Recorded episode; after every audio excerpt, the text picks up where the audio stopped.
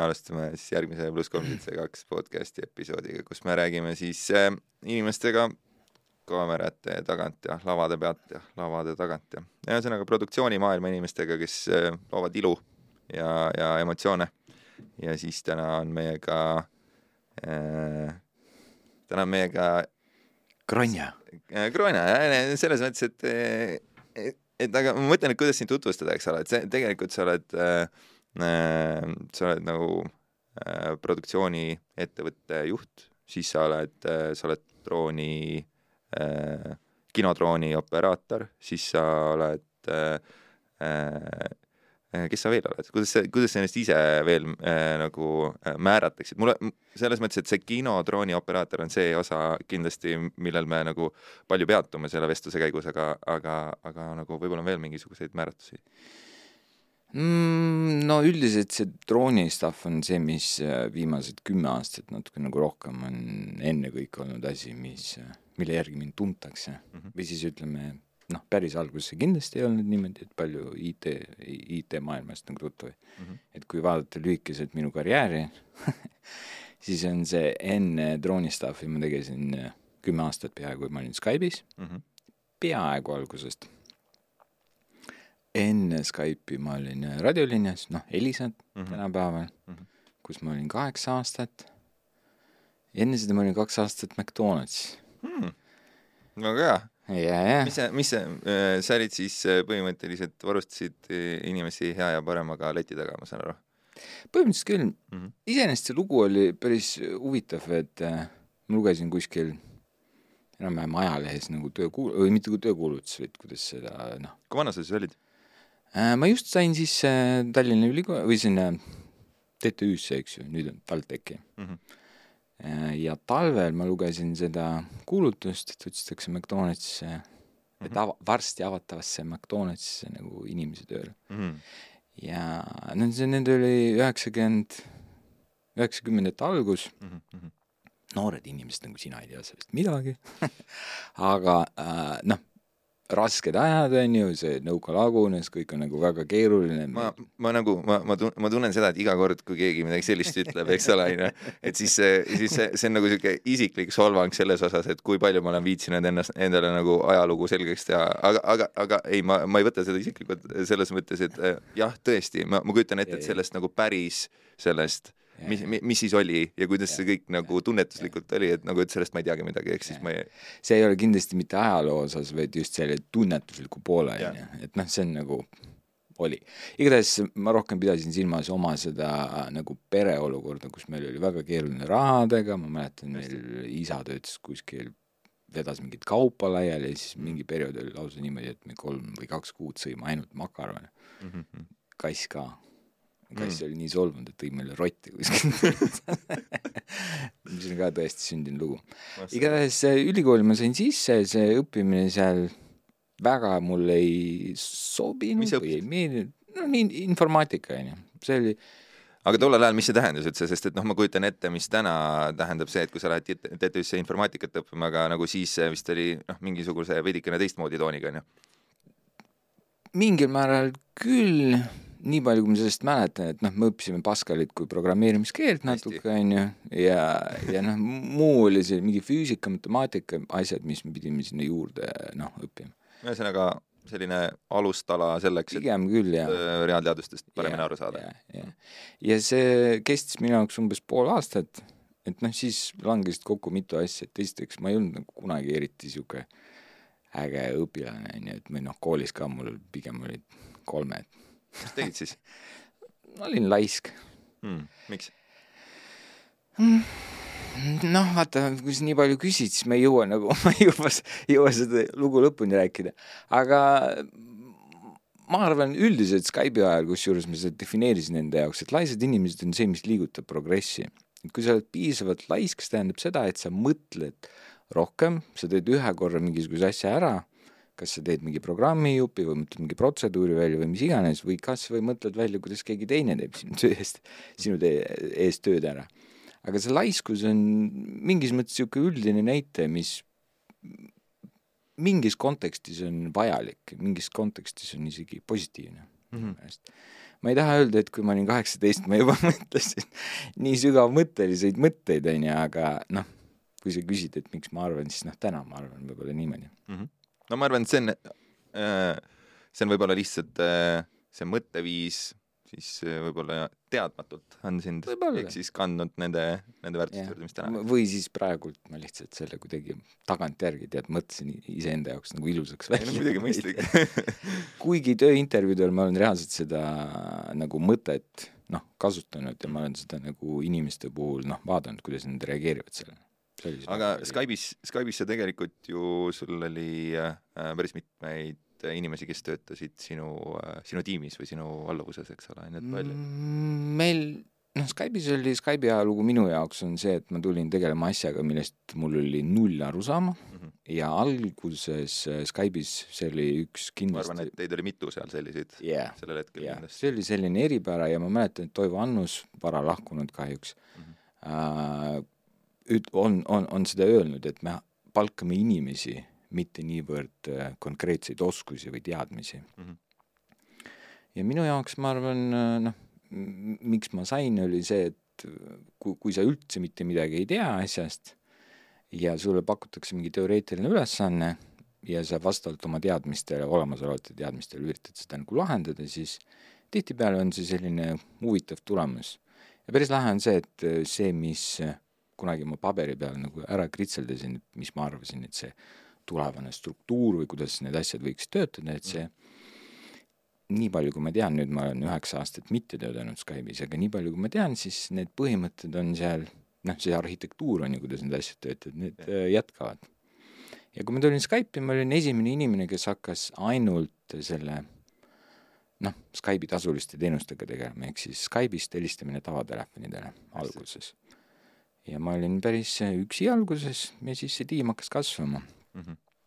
et äh, kui ma lahkusin, meid oli vist kaksteist või kolmteist inimest äh, minu, minu osakonnas, kes tegelesid siis noh, natuke erinevate valdkondadega. või noh, see teenus ise on nagu päris keeruline, siis seal on mitu erinevat kohta, millega sa pead tegelema. absoluutselt, aga, aga kui sa äh,, kui sa võtad selle nii-öelda, selle leidlikkuse tegelikult sellesama leidlikkuse, mida sa kirjeldasid, mhm. eks ole, on ju, mis on pannud äh, aluse äh, mingile väikesele või, või isegi mitte nii väikesele tükile Skype'ist, eks ole. et, äh, et kuidas see, kuidas see leidlikkus sinu jaoks nagu tänapäevas peegeldub? mis on, mis on viimane olukord, mis on nõudnud sinult sarnast leidlikkust hmm.? ma ei oskagi võib-olla, see nagu natuke liiga konkreetne küsimus. ma ei oska sellele nii täpselt vastata, aga minu ütleme, algusaastad, kui ma Skype'ist ära läksin, siis üks asi, mis mul kindlasti oli, mis eristas meid äh, nii-öelda teistest hobidroonilenduritest mm -hmm. suurel määral ja mis oli, ma arvan, osaliselt selline meie nagu noh, drooni lennutamine on väga tehniline tegelikult mm -hmm. praegult vähem, alguses oli crazy kui tehniline, noh, sa pidid kõike kokku jootma, kogu see tarkvara sa pidid ise sättima.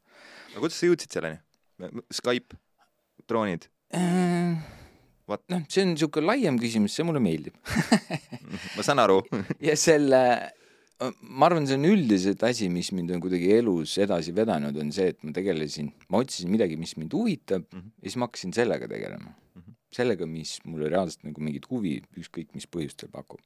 ja ma ei tegelenud Skype'is, noh, droonidega sellepärast, et ma mõtlesin, et oo, ma ehitan mingi drooniimpeeriumi valmis või ma hakkan niisugust nagu business'i tegema või teenust pakkuma mm. -hmm.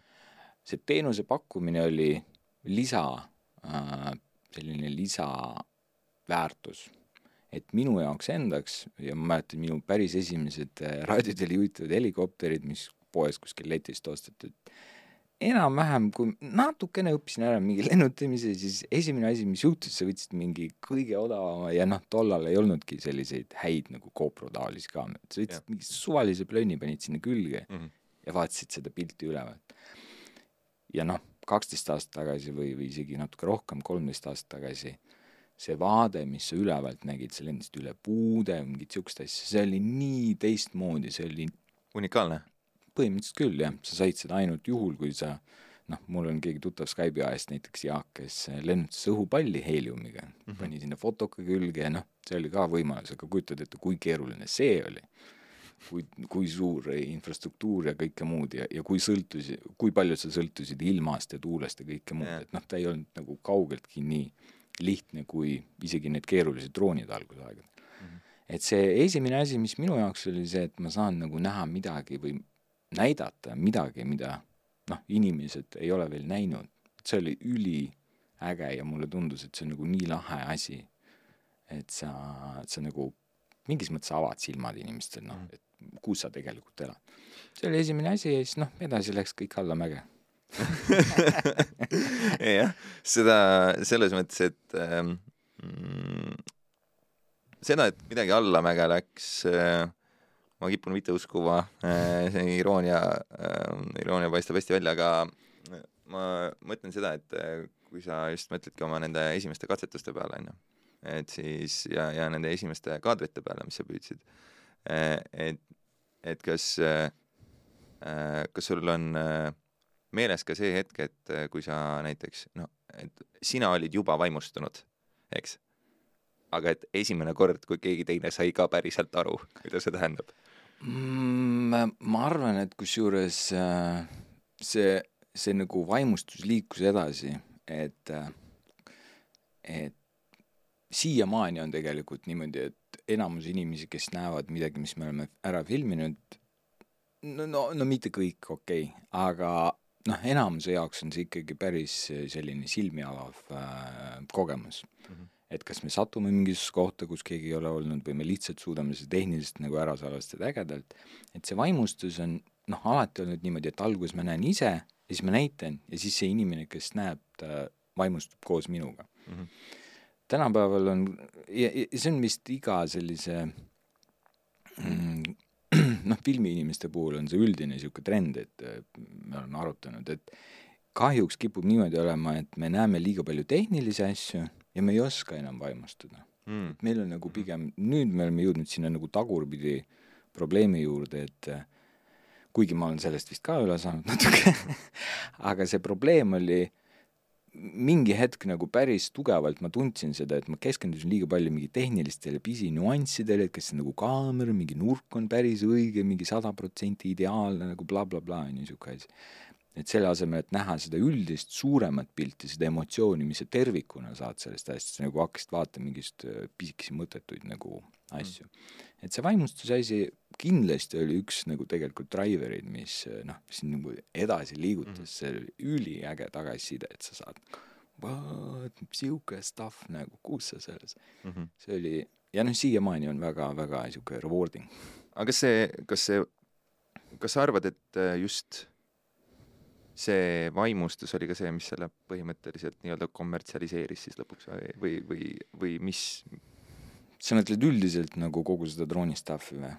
ma arvan, et mingil määral see peab niimoodi olema mm. -hmm. kui see, see on päris hea küsimus, ma ei ole selle nurga alt mõelnud, aga tegelikult noh, droonid, mis nad tegid, ainuke asi, noh, kui, kui, kui me võrdleme sellega, kuidas üldiselt kogu see videograafia nagu liikunud on, et see on selline demokratiseerimine mingisuguse uue nurga või uue kunstivõimaluse noh, inimmassidesse viimine ja see ei tähenda mitte ainult nagu rahaline, vaid ka see, et tegelikult on sul väga vähe vaja aega investeerida sellesse, et sa õpid, on ju, kuidas seda teha. et noh, fotograafide puhul no offense aga fotograafide jaoks on äh, droon iseenesest noh, eriti lihtne tööriist, sest et äh, nad kasutavadki natuke nagu statiivina, on ju, see lennutad selle statiivi, on ju, paned õige kõrguse, eks ju, paned õige kaameranurga ja noh, vajutad klõpsi ja kogu lugu mm. -hmm. loomulikult sa otsid seda noh, statiivi kohta ja, ja, ja sa pead olema õiges kohas, aga üldiselt on see noh,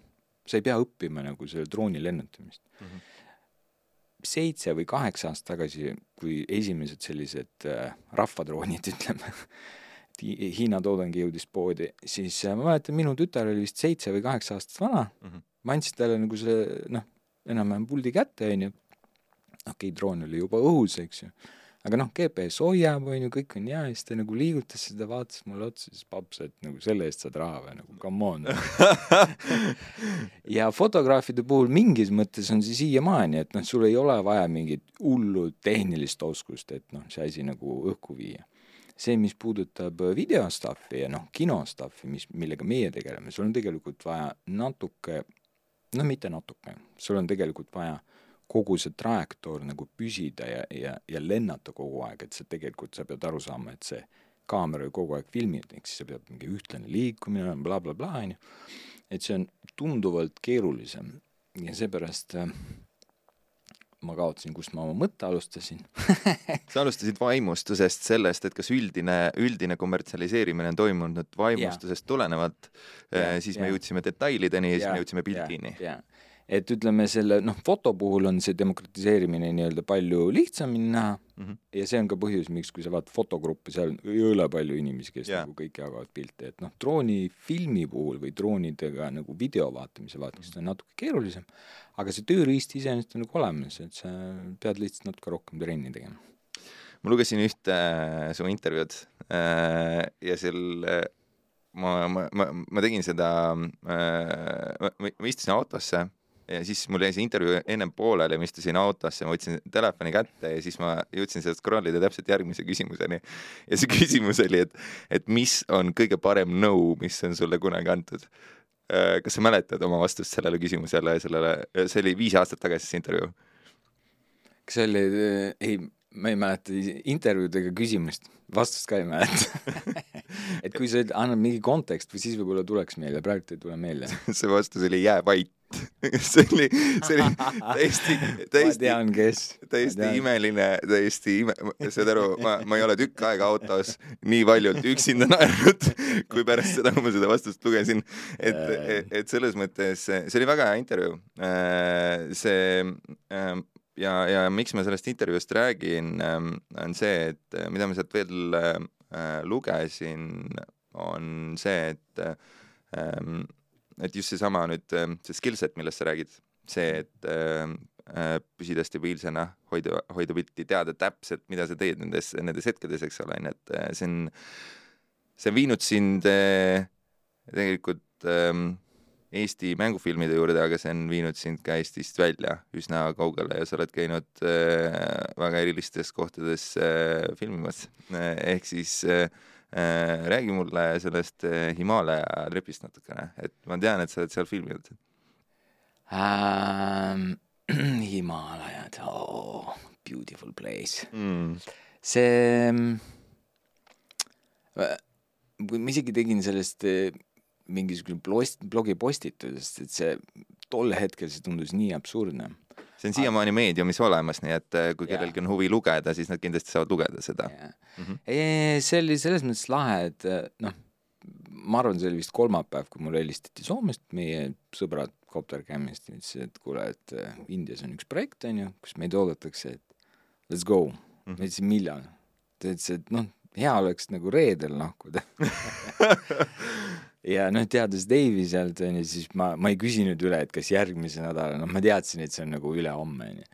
ja nii kiiresti me ei läinud, aga me saime pühapäeval äh, minekut, esmaspäeval me maandusime Indias ja sealt algasid meie siuksed suuremad seiklused, et noh, meil tegelikult äh, võeti ära kogu tehnika, sest et äh, siiamaani tegelikult Indiasse legaalselt suuremaid droone ei saa nagu sisse tuua mm., välismaalast ei saa. Noh, tegelikult kogu see impordivärk on neil seal päris keeruline. ja siis me istusime kolm päeva hotellis. see on siis seadusandlusest tulenevalt lihtsalt nagu? jah, jah, jah. ja siis me istusime kolm päeva hotellis, enam-vähem juba kandsime maha selle projekti, on ju, ja siis projekt kandis maha meid.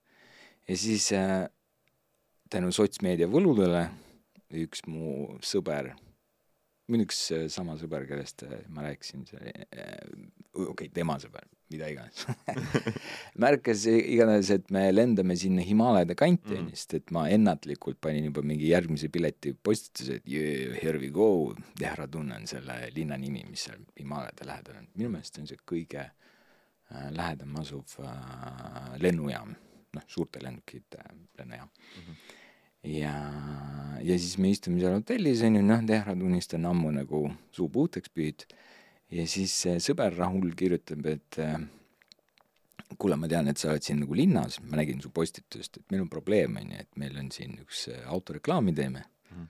ja meil on tehnika, aga meil on niisugune noor piloot, kes, äh, kes ei ole nagu väga-väga kogenud, aga meil on režissöör UK-st mm, -hmm. Top Gear'i režissöör muideks, üks nendest oh,. Wow.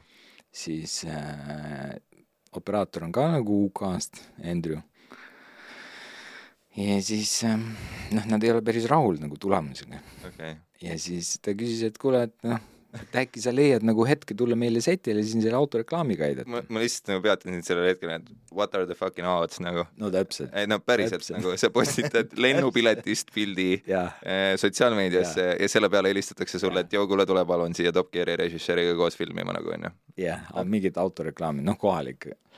okei okay ja siis äh, ma küsin Dave'i käest, et kuule, et noh, meil nagu see projekt äh, nagu mängufilmiga jäi ära, onju, et noh, mis meil nagu kaotada, ta ütles, et noh, pohhu, onju, lähme.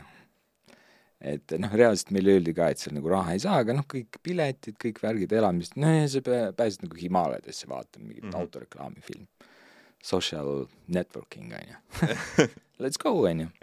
ja me läksime sinna hommikul kell viis hommikul jõudsime vist sinna, siis me pidime sõitma seal autodega, noh, võtta platsi, on ju, tuleme platsile, kõik on rõõmsad, jee, hakkame seal, noh, enam-vähem tulime autost välja, hakkame kohe nagu tööd tegema mm, -hmm. kõik on hästi, kõik on nice, meil tuleb lõunapaus, istume maha, on ju, ja noh, seda ma pean ütlema, et see tehnika iseenesest oli täpselt samasugused droonid nagu need, mis meil seal India lennujaamas kinni olid. kas need ei olnudki äkki needsamad droonid? ei, ei, ei mõte on hea, aga ja siis äh, noh, kujutad ette, edasi on see, et äh, tuleb kõne Dave'ile, onju mm -hmm.. Vaatab, et huvitav, et sealt nagu mängufilmi produtsent helistab. siis ta vastab, küsib, et jaa, onju. ja siis see produtsent, noh, põhimõtteliselt nad ei leidnud koha peal mitte kedagi teist, kes saaks nagu meid asendada ja siis ta küsib, et kuule, et ega te kogemata oma droonid sealt äh, sellest tollist lahti ei saanud Dave hoiab telefoni, istub, vaatab seda drooni, mis ta mis nagu põhimõtteliselt alles maandus, ütleb, et tead, seda tollist äh,, seda mitte, aga oota üks hetk, siis ta paneb, noh, peidab nagu mikrofoni ära, onju, ja siis küsib selle drooni omaniku käest mm -hmm., noh, see noor poiss, onju, kellele issi põhimõtteliselt ostis selle mm, -hmm. küsib, et kuule, et äh, kas saaksid meile äkki seda drooni rentida kaheks nädalaks? poiss ütleb, why the fuck not ja siis Dave räägib edasi telefonis, kuule, me nagu tollist me ei saanud seda drooni, aga meil siin üks teine leidsime, et põhimõtteliselt äh, millal te meid ootate ja seal Himaalades tüübid, jee, davai wow. täiesti pikk. ja no põhimõtteliselt äh, oligi niimoodi, et selle võttepäeva lõpetasime ja see koht, noh, ma küll ütlesin, et on seal nagu lähedal, onju, mhm. Himaaladel, aga noh ja me vaatasime kaardi pealt, et noh, mis asja, mingi kakssada kilomeetrit, natuke alla kahesaja vist onju. siin sõita autoga, mis meil kestis järgmine päev, oli kaksteist või neliteist tundi, neliteist tundi koos äh, peatustega, et noh, läbi mägede veits nagu käänuline. selles riigis see on ju täiesti olematu distants tegelikult. ja, ja noh, põhimõtteliselt järgmine hommik ootas meid auto, istusime autosse ja siis, ja kusjuures see noor poiss, kui te ei teada, et kes seal režissöör seal Himaalades on, Abhishek Kapoor, kes on noh, India mõistes mingi ülimega suur nagu Bollywoodi. The biggest thing. Okay. ja siis ta ütles, noh, ma arvan, ta oleks nõus nagu tasuta ka seda nagu drooni andma, kui me lihtsalt võtaksime ta kaasa mm. -hmm aga noh, Indias äh, küsisime, et meil tuleb assistent ka, nad ütlesid ja, ja, ja võt-, võt-, võt-, võtke kaks, kui vaja. okei, okei, aga, aga kuidas äh, autoreklaami saite filmitud? Oli ja, ja, ja, see oligi üks päev nagu meil seal põhimõtteliselt. Everybody happy ja yeah. Vau, okei. ja lihtsalt niimoodi nipsust käivad nagu mingisugused täiesti nagu äh, ütleme, ma ei tea, mingite inimeste jaoks võib-olla oleks need nagu live event'id, eks ole, onju, aga, aga mulle tundub, et sa räägid nii, nii süg-, süvenenud rahuga sellest. ei, see, ma olen nagu nii mitu korda seda nagu läbi elanud mm -hmm. ja ma olen, noh, saad aru, kui me sõitsime siin need kaksteist tundi, ma mõtlesin nagu nagu päriselt, et mm -hmm. kuidas see on võimalik, et need asjad lihtsalt langevad niimoodi kokku, see on täiesti ajuvaba. kusjuures selle Andrewga, kellega me saime tuttavaks seal selle autoreklaamifilmis mm, -hmm. me saime neli aastat, kolm aastat hiljem kogemata täiesti kokku ühel teisel shoot'il Jordaanias kus me ka filmisime mingit autoreklaami, onju, tuleme kohale ja siis me tuleme setile ja siis esimene tüüp, keda ma näen, on nagu Andrew Bolton, ma ütlen what the hell, nagu kust sa siia, nagu mis on need võimalused, et nagu ainult seitse miljardit inimest ja, ja nagu Jah, siuksed tagasihoidlikud jah, kokku jah, sattumised. aga jõudsite mängufilmi setini? jaa, ja see noh, inimesele, kes äh, selles mõttes on huvitav, et äh, kõik kohad, kus ma olen käinud Mhm. või kõik äh, ütleme, erinevatest rahvustest ja kultuuridest äh, filmi inimesed, ma tunnen ennast väga koduselt. et see ei ole, loomulikult on mingisugused eripärad, eks ju, ja loomulikult on noh, näiteks India ja nende kastisüsteem, eks ju, noh, see on äh, täiesti olemas ja see on täiesti setil, sa tunned seda ja see on nagu nii ebamugav äh, asi, Mm -hmm. noh, minu mis, jaoks mis selle ebamugavaks muudab sinu enda jaoks just?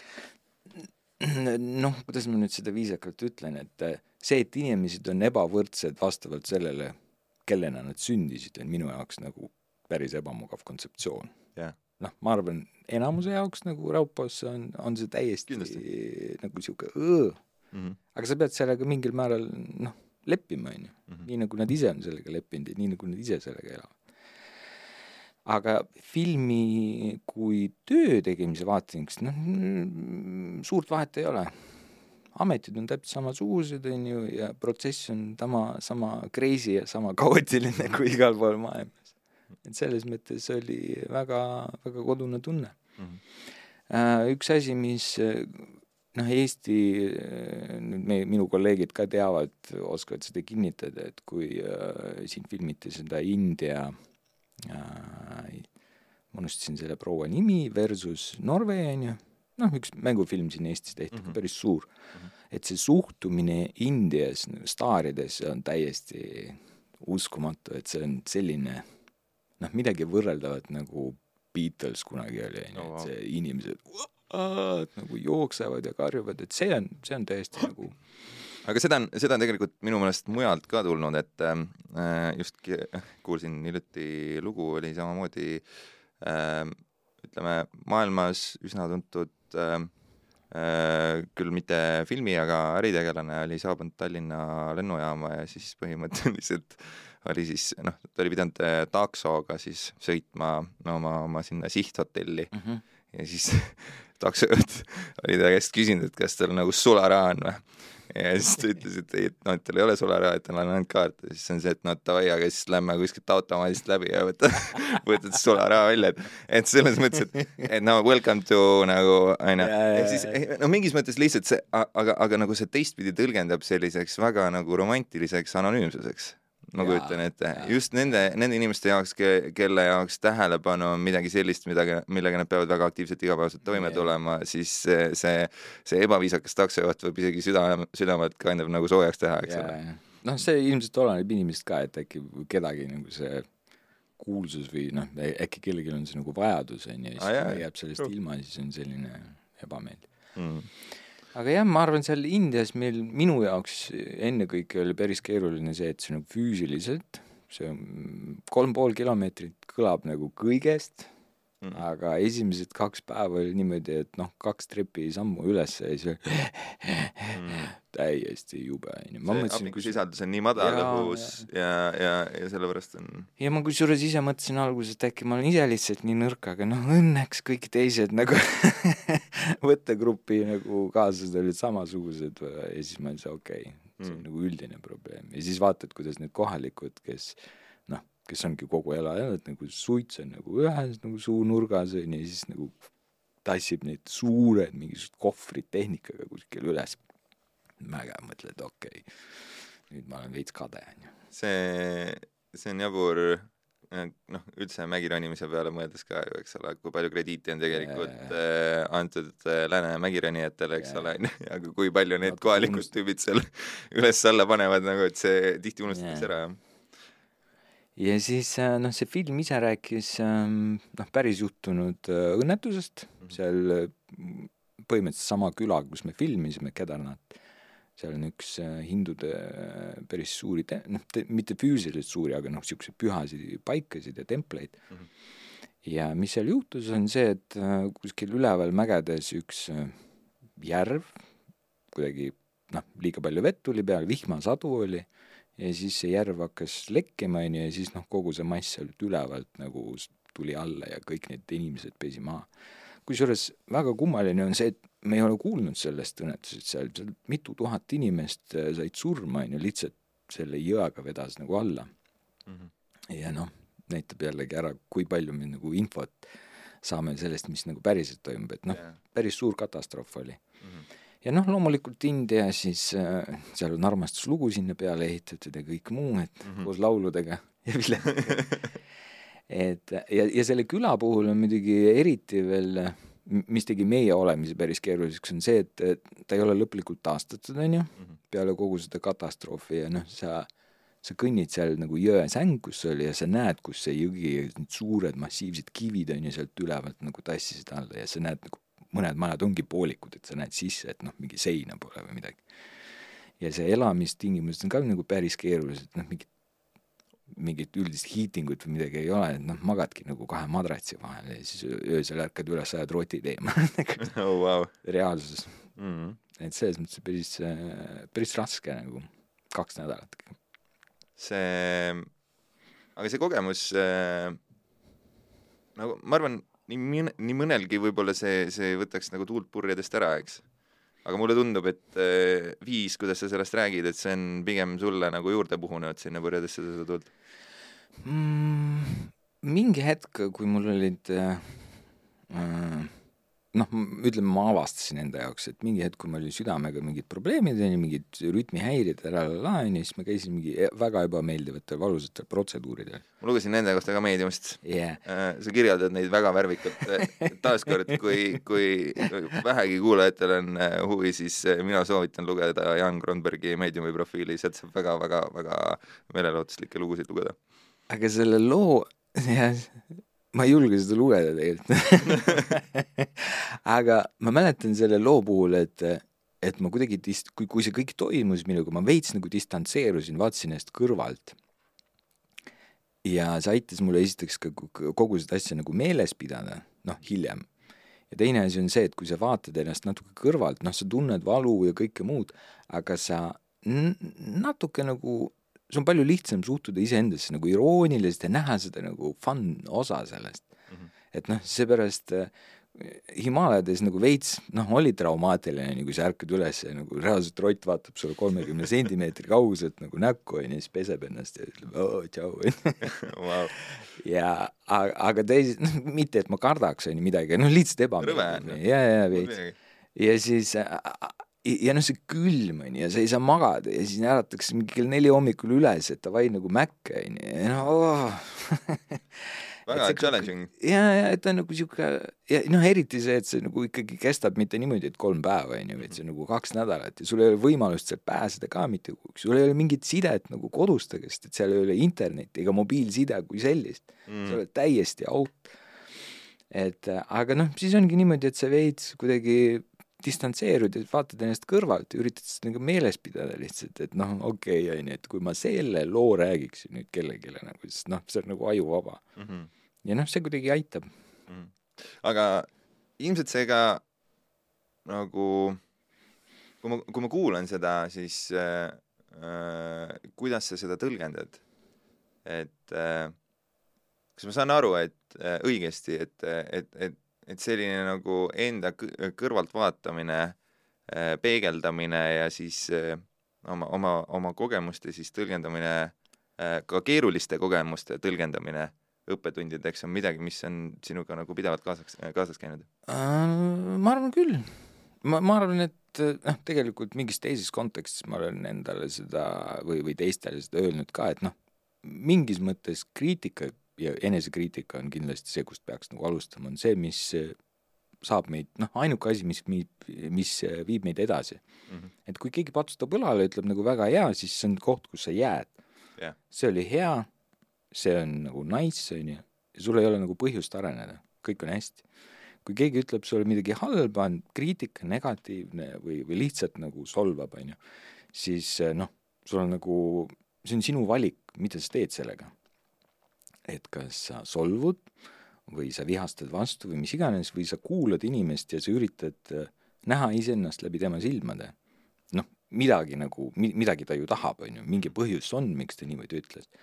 ja see ei tähenda seda, et tal nagu õigus on mm, tihtipeale on see lihtsalt äh, möödarääkimised, tihtipeale on see lihtsalt äh, valearusaamad, mis iganes, tihtipeale on see ka see, et äh, minu arusaam minust ei ole päris see, mis teised näevad mm. -hmm. et noh, mida mina saan teha, on ju, ma saan parandada kommunikatsiooni, ma saan nagu rääkida rohkem, ma saan äh, lihtsalt olla parem inimene mm. -hmm. et noh, sellest vaatevinklist mulle tundub, et kriitika nagu on ülioluline, inimesed, kes leiavad aega, ei viitsi vist mind mõnitada, on ju. Mhm.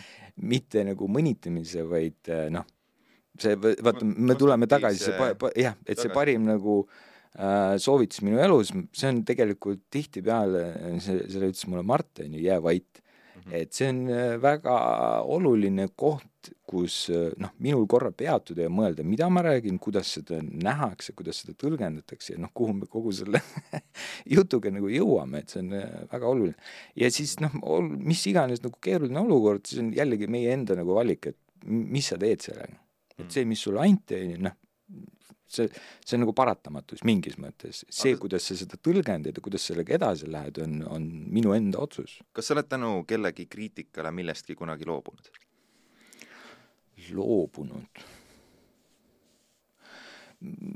noh, see on jällegi, et kuidas sa seda sõnastad, et kas tänu kriitikale ma olen noh, aru saanud millestki, millest ma ei ole ennem aru saanud, absoluutselt, muidugi ja noh, ma olen väga tihti vait jäänud olukordades, kus ma ennem olen tahtnud nagu midagi noh, öelda või arvata või mida iganes, et äh, mingi hetk äh, sa jääd vait, on ju, sa mõtled ja, ja siis sa kas sõnastad ümber või mis iganes, noh emotsionaalselt, no seal on omad jällegi nagu üle pikaks võib minna, on ju, et kas, kas emotsiooni najal midagi nagu väljaelamine on nagu tingimata noh, kas seda peab nagu kinni nagu vajutama või suruma või mis iganes, aga nagu mingi hetk peab seal olema, et enne kui sa nagu päris esimene selline, mis äh, keele peale tuli, et nagu selle välja mm -hmm. sest et noh, mingi hetk peab olema niikuinii.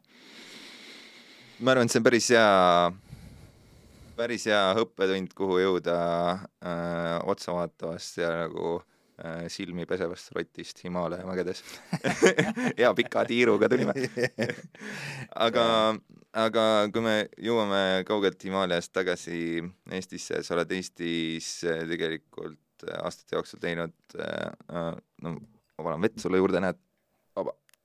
Yeah.. Ah, lahke. Äh,. et, et sa oled Eestis teinud ka aastate jooksul ju tegelikult kümneid mängufilme vist. Äh, ja aidanud teha, jah. aidanud teha, aidanud teha kümneid mängufilme. ja vaata, kus humbleness kikkis sisse niimoodi ei, ei see eh, terminoloogia täpsus on ju, vaata see on ja. see ka üks asi, mis mul selle noh, veits aastatega on välja kujunenud, et see, üritan kindlasti nagu kinni pidada sellest, noh, mida ma ütlen, et ma kuidagi sõnastan seda täpselt ja siis ma käin teistele pinda vahepeal. ei, väga mõistlik võtan, võtan vastu äh, selle õppetunni ja ei melise või, või ole mait või kuidas see täpselt olema aga, aga siis äh, äh, milline su enda jaoks mm, nendest Eestis tehtud filmidest on olnud võib-olla kõige meeldejäävam äh,? mulle mm, ilmselt võib-olla vähem filmitegijana, kuigi see ei ole vist päris aus, aga kõige, kõige nagu niisugune südamelähedasem on ilmselt Eia jõulud äh, tondikakul mm. -hmm. ja põhjusel ennekõike, et see oli esimene film, kus mu tütar nagu käis vaatamas ja siis ütles, et aa, see on nii äge my god, nagu lõpuks ometi mu tütar on nagu ka õnnelik millegi üle, mis issi tegi.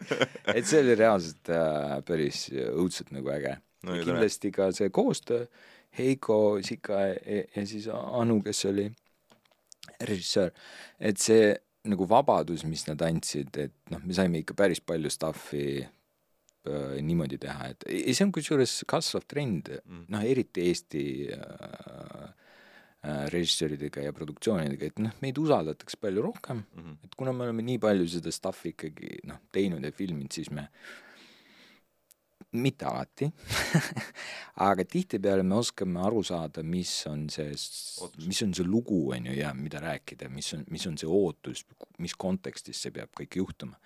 ja siis päris palju on seda võimalust minna ja noh, nii-öelda oma loomingulist nägemust pakkuda nagu mm. -hmm. Et see on nagu õudselt äge. see on äh, äh, loomingulise inimesena, ma arvan, et see on nagu kõige suurem nagu luksus või mm.? Mm. just see, et, et sa saad öelda asju läbi oma ja, kunstivormi ja, selliselt, nagu sina soovid. ka minu tütar oli väga õnnelik kusjuures Eia, Eia jõulusid vaadates, nii et ta on täna seitsmeaastane, nii et, nii et selles mõttes on äh, on, on see film teinud õnnelikuks veel palju inimesi.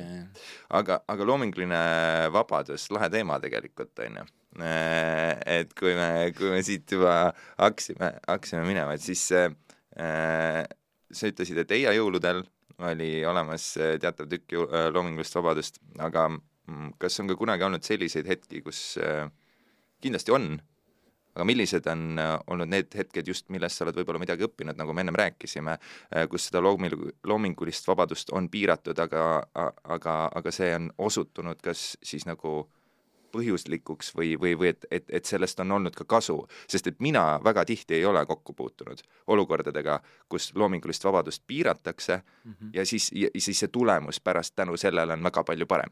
Yeah.. et, et nagu see on äh, jällegi üks väga hea küsimus, mulle meeldib, on äh, mm, reeglina need äh, sellised lahkhelid, mis me oleme noh, setil ja lahkhelisid tuleb alati, on ju. Mhm. reeglina nad tulevad sellest, et me oleme rääkinud liiga vähe üksteisega.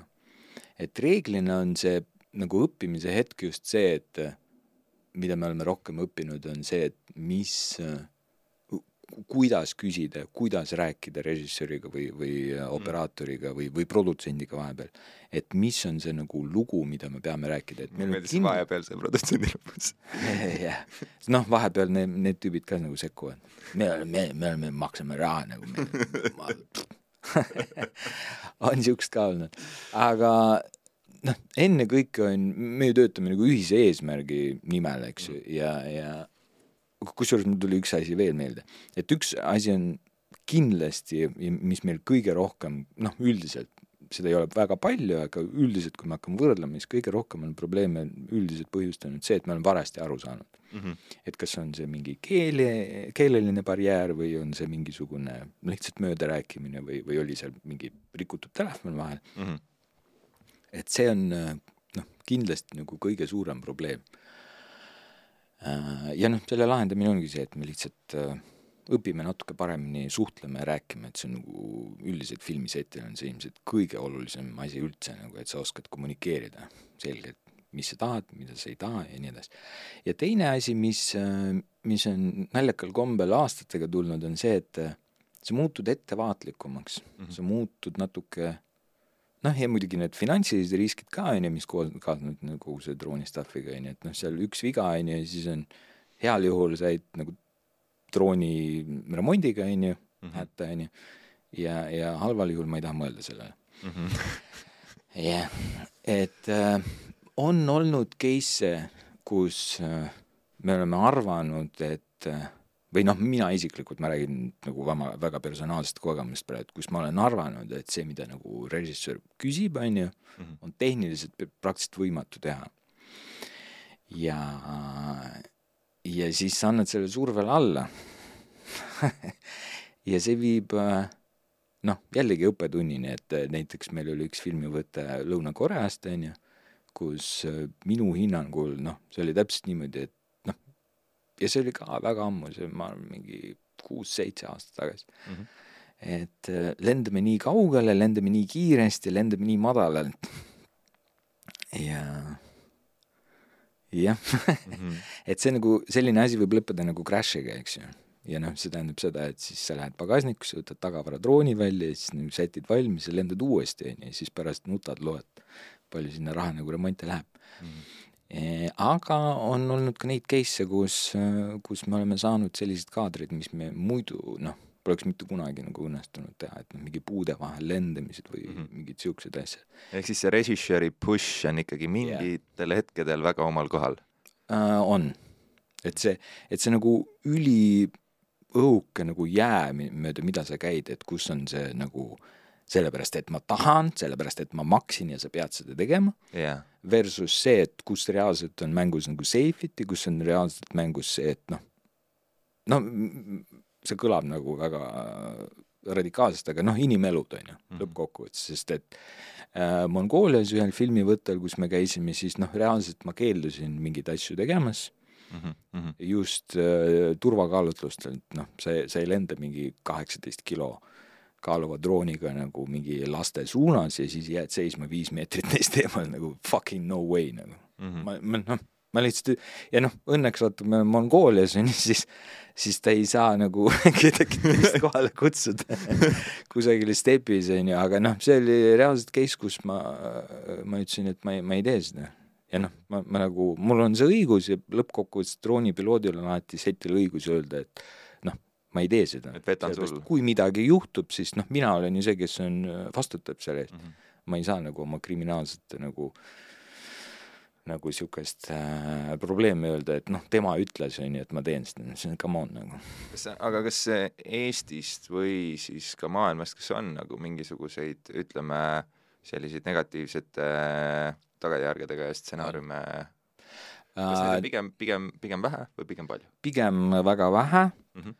aga nad iga kord on ülinegatiivsete nagu tagajärged, et näiteks äh, konkreetselt praegult on Netflixi üks policy, on ju, mis keelab äh, teatud tüüpi droonide lennutamise inimeste läheduses konkreetselt sellepärast, et juhtus õnnetus, keegi sai füüsiliselt viga, et noh, Mm -hmm. minu meelest lendas näkku vist äh, üks reiserdroon, Mm -hmm. mis tähendab äh, noh, suuremate staaride puhul päris äh, nagu nõmedaid nagu tagajärgi, on ju pehmelt öeldes nõmedaid absoluutselt ja, ja praegult ma tean, et Policy Netflixi ükskõik mis äh, kas nagu nende produtseeritud või nende sisseast-, ma ei, ma ei tea täpselt, kuidas see nagu me ei tööta väga palju Netflixiga, üllataval kombel oh, wow. Aga äh, jah. mis on, mis on äh, sa ütlesid Racer tüüpi droon, mis on Racer tüüpi drooni ja tavadrooni vahe? üks on kiirem, teine Äh, noh, kiirem ka, aga juhtimise põhimõte ennekõike reisidrooni puhul on see, et sul on prillid peas äh,, väike videosaatja drooni peal ja sa lendad nii-öelda istudes seal droonis sees, mm -hmm. kinda mm -hmm. üliäge kogemus, kes ei ole proovinud, soovitan igati. et noh, annab niisuguse linnu, lennu nagu feeling'u wow. jah, aga noh, see ongi see probleem, kus sealt no- või noh, probleem on ju, kus on probleem, kus on võimalus, on see, et sa saad lennata väga lähedal, sa saad lennata väga riskantselt, sa saad teha nagu niisuguseid asju, mida sa tavadrooniga ei saa, on ju Mhm., siis noh, nagu iga riskantsema asjaga, siis on ka tagajärjed. ja see on nagu, see on veits nagu see see base jumping'u teema, eks ole, et kui nagu yeah. aastaid ja aastaid ei olnud seda wingsuit'i asja, eks, oli yeah. parachute death, äh, death rate oli nagu olematu, eks ole, ja, ja siis, kui tulid need wingsuit'i mehed, siis hakkas nagu järjest hakkas kaduma mm. neid samamoodi ja noh Mm. ongi, lähed kiiremaks, lähed nagu ärevamaks, julgemaks, nii edasi, et selles mõttes küll, aga kunstiliselt at the end of the day, on ju, sa, sa jõuad äh, väga palju unikaalsemate kogemusteni. ja noh, see avaneb täiesti uus äh, nišš, et noh, nagu droonidega mingi hetk need olid äh, selline nagu odav helikopter, on ju. Mhm. et noh, sa saad nagu kõrgelt niisugust laia vaadet pakkuda maa peale, on ju, siis äh, noh, mina ise näen seda praegu, seda nii-öelda tavadroonide arengut kui see on nagu tehniline võimalus liigutada kaamerat 3D ruumis Mhm. nagu ja, ja, ja see liigub sinna, et see nagu korratatav, korratavad liikus, liikumist. noh, ala need äh, robotid, on ju, Mhm. kus sa programmeerid ära selle liikumise, sa saad sarnast asja teha nagu droonidega. et, et, et noh, see on nagu tööriist omaette, kui kutsutakse drooni kohale, et näiteks sealsamas Mongoolias me, meid kasutati tegelikult asendusaparaadina nagu relssidele, okei okay., et noh, läbi nagu lihtsalt liikumist ühesõnaga ja, ja madalalt nagu lendamised, noh, selle asemel, et tassida nagu mingi hullus koguses neid relsse sinna ja need kuskil seal kivide vahel nagu paika panna, siis noh, droonid on piisavalt stabiilsed, et seda saab täiesti kasutada Mhm. et äh, see on niisugune täiesti omaette nagu tööriist, siis noh, reisijadroonid on, need on ka nagu kujunemas oma selliseks nišitooteks või noh, ütleme Racer või FPV-ks, first person view droonid on ju, see on viis, kuidas sa juhid seda drooni rohkem kui see, et ainult nagu GoPro on seal peal ja siis teed mingi kukerpalli, on ju. Mhm. et noh, mis need viimased arengud, mis me oleme ise teinud, on see, et me pole, olemegi oma suurematele droonidele ka pannud selle FPV kaamera peale, mis tähendab seda, et meil on ülikvaliteetne kaamera, on ju, teine inimene opereerib seda mm, ja siis mina saan paugutada kuskil puude vahel mingit siukest asja. oh, wow. Ja see kõlab super lõbusalt tegelikult nagu oo, see on. ja, ja see noh, päris äge tunnustus on nüüd see, ma unustasin, mis selle filmi nimi oli. see, mis siin äh, äh, Lahemaa rahvuspargis filmiti, see ameeriklaste õudusfilm. Mm, tahaks öelda selle nime, jah, ei mäleta. ei mäleta. aga noh, seal guugeldan. näiteks oli see koht, kus me lendasimegi sellesama nagu suurema drooniga, kus oli FPV kämm peal kuskil metsas teede vahel ja siis me läksime näitama neid kaadreid mm. -hmm. ja siis äh, õudselt äge tunnustus on, kui keegi vaatab seda kaadrit, ütleb what? Did you do that with a drone? ma ütlesin yeah with it. How the, is it, how is it possible? et noh, selles mõttes Mm. siuksed väiksed leiutamised on nagu äge asi. aga mis see, mis on nagu mm, kui sa mõtled, see on tegelikult ju droon, drooniga filmimine, et see on ikkagi nagu noh, maailma mastaabis üsna selline nagu nišitegevus, eks ole. Et, et noh eh,, samal levelil opereerivaid sama valdkonna inimesi ilmselt on seal noh eh,, üsna piiratud hulk, eks ole, maailmas. ja siis ma, siis ma mõtlengi seda, et eh, tihti on niimoodi, et kui keegi on valinud mingis mm, mingis asjas väga süvitsi minna, jah paneme siit veel seda vett juurde. täiega kuiv on, ma ei, ma ei mäleta, nii pikalt järjest rääkisin. Äh, aga põnev on kuulata, nii et äh, peaksid võib-olla tihedamini rääkima nii pikalt Okei. järjest. aga et mu mõte, mõte oli lihtsalt see, et ähm, et kui äh, kui inimesed lähevad tihti sellise mingisuguse niši teemaga üsna äh, nagu süvitsi, jah, siis äh, need ka nagu ütleme, inimeseks olemise õppetunnid, mis sealt kaasa võetakse, on tihti üsna nagu äh, põhjalikumad kui need, mis on, mis on võib-olla saadaval äh, inimestele, kes nagu ei ole otsustanud millega nii süvitsi minna, ehk siis äh, mida sa nagu inimesena tunned, et äh,, et sinu valdkond on, on sinus kas väga tugevalt kujundanud või väga tugevalt muutnud? Jesus, how deep. Äh, no võib-olla jah, võib-olla ma alustasin sealt, et noh, üldiselt ma olen elus mitu nagu sellist äh, suuremat äh, muutmist või, või muutumist nagu olnud, et kui me nüüd ei loe seda, et McDonaldsist ma läksin nagu klienditeenindusse tööle raadiolinnas, sealt ma lahkusin äh, mingi arveldussüsteemide mingi osakonna juhina, onju, et noh, niisugune nagu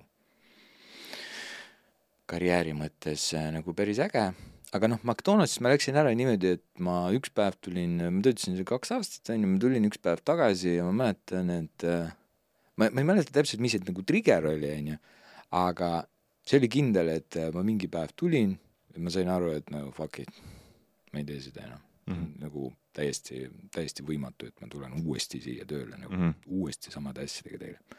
siis panin avalduse lauale ja minu juht küsis, et äh, kas on midagi, mis ma saan teha, onju. vaatas mulle otsa, siis okei okay,, ei saa. et see, see lahku, lahkuminek oli väga lihtne. ja siis see kuu aega, mis mul seal oli,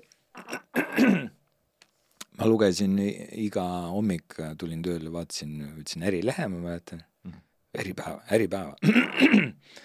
ja ma olen Äripäev, viimasel leheküljel seal oli mingi ilgelt palju kuulutusi ja siis seal ma nägin, et äh, Elisa või noh, raadioline tollal otsib klienditeenistusse kedagi. ütlesin eesti keelt ma teadsin, vene keelt ma teadsin mm. -hmm. Let's go. ma läksin sinna, siis äh, raadiolinjas oli kaheksa pool aastat ja seal ma mäletan ka, et mul oli, minu meelest see oli mai lõpp ja seal ma otsustasin, et äh, ma ei, ma ei saa enam. et ma lähen ära, noh, seal oli erinevad põhjused, on ju mm -hmm., üldiselt ikkagi see, et noh, nii pikalt. ja siis ma hakkasin nagu tööd otsima ja siis mu üks äh, tuttav, kellega, mis on nagu rääkides kokku langemistes nagu ka päris põnev, et äh, me kunagi, kui ma seal nüüd pool aastat äh, nii-öelda õppisin äh, tipis, on ju, noh, TalTechis, eks. Yeah., siis mulle näidati niisugust asja nagu IRC, Internet Relay Chat, ehk siis äh, algusaastate, algusinterneti äh, chatiruumid, on ju, seal ma sain ühe tuttavaga, või tähendab, ühe tüübiga nagu tuttavaks, kes mm, -hmm. kes nüüd siis, mis see oli, mingi kümme aastat hiljem, ütles, et aa, otsis tööd, davai, tule meil Skype'i, on ju, noh, intervjuu. Et äh, tema kutsel ma sain äh, noh, intervjuule, on ju, mhm. ja siis äh, läks edasi.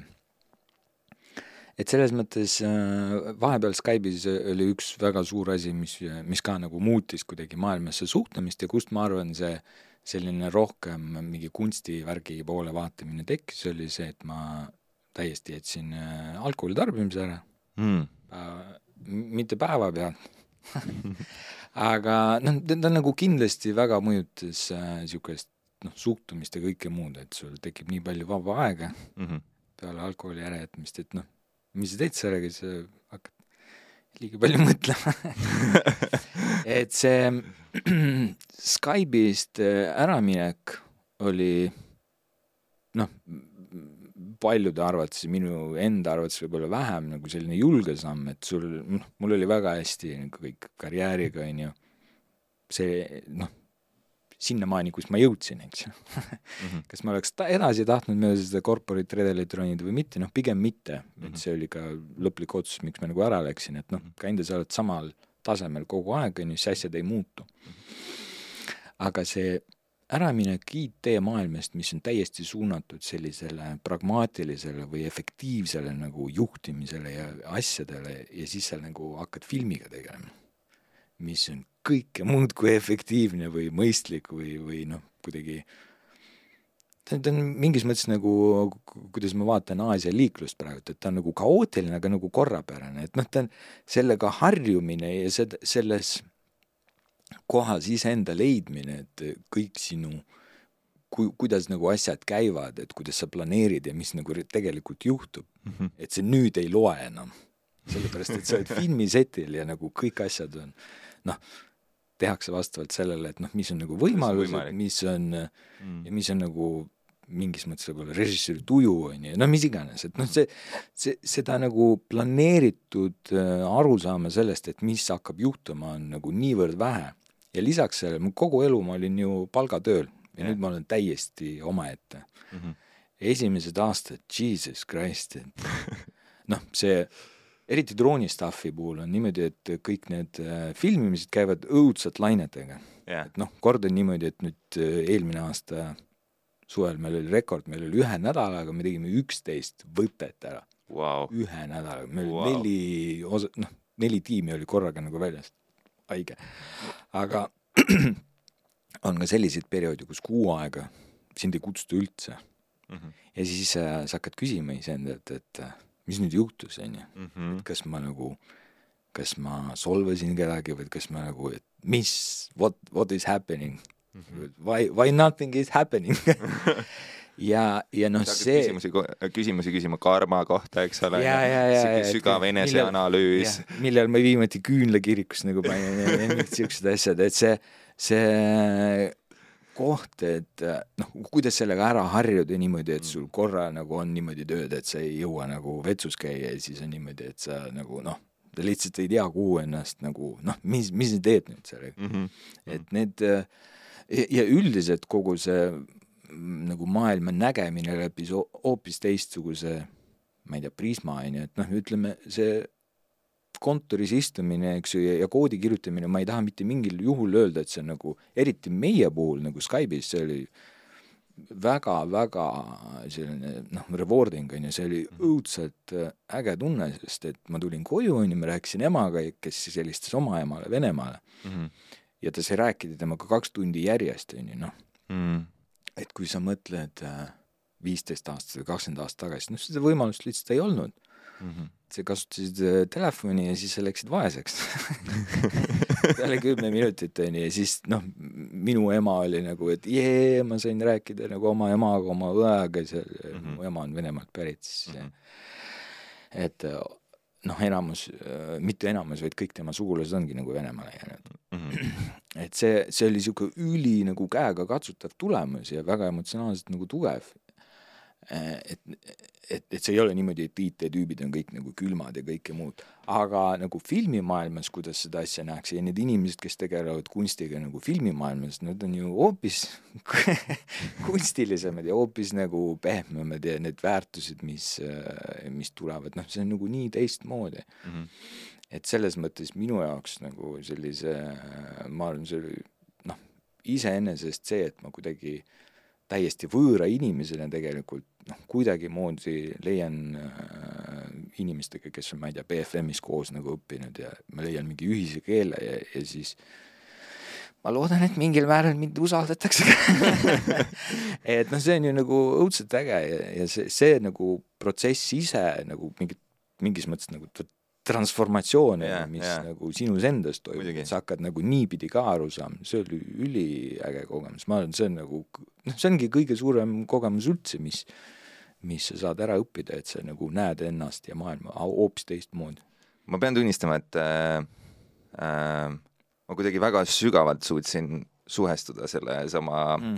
Teekonnaga, mis sa rääkisid, sest et äh, minu background on ka kaheksa aastat või üheksa aastat corporate marketingi eh, Telia majas ja Äripäeva aktsiaseltsi mm. majas ja ja, ja nii edasi ja siis eh, samamoodi ühel heal päeval tekkis see tunne, et yeah. sõbrad, et nagu aitab siin nendest eh, neljateistkümnenda korruse steriilsetest seiklustest nagu, et et peaks seadma sammud kuskil mingi sisulisema yeah. teekonna poole.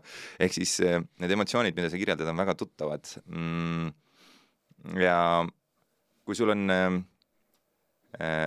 ma, ma ütlen seda iga podcast'i lõpus üsna sarnaselt, aga, aga et kui sul on äh,, ma tean, et it's not a safe way to go, on ju, et, et äh, nõu andmine on niisugune mingi eriti mingi tüütu teema, eks ole, on ju. et nagu eriti kui ei küsita, siis ei tohi tavaliselt, on ju. et aga, aga ma siis ikkagi äh, küsin, et äh, kui sellesama äh, unikaalse kogemuse pealt mis sina oma elu jooksul oled äh, läbi käinud. kui sul oleks ähm, äh, üks soovitus, mis sa saaksid anda kõigile, valimatult, siis äh, mis oleks?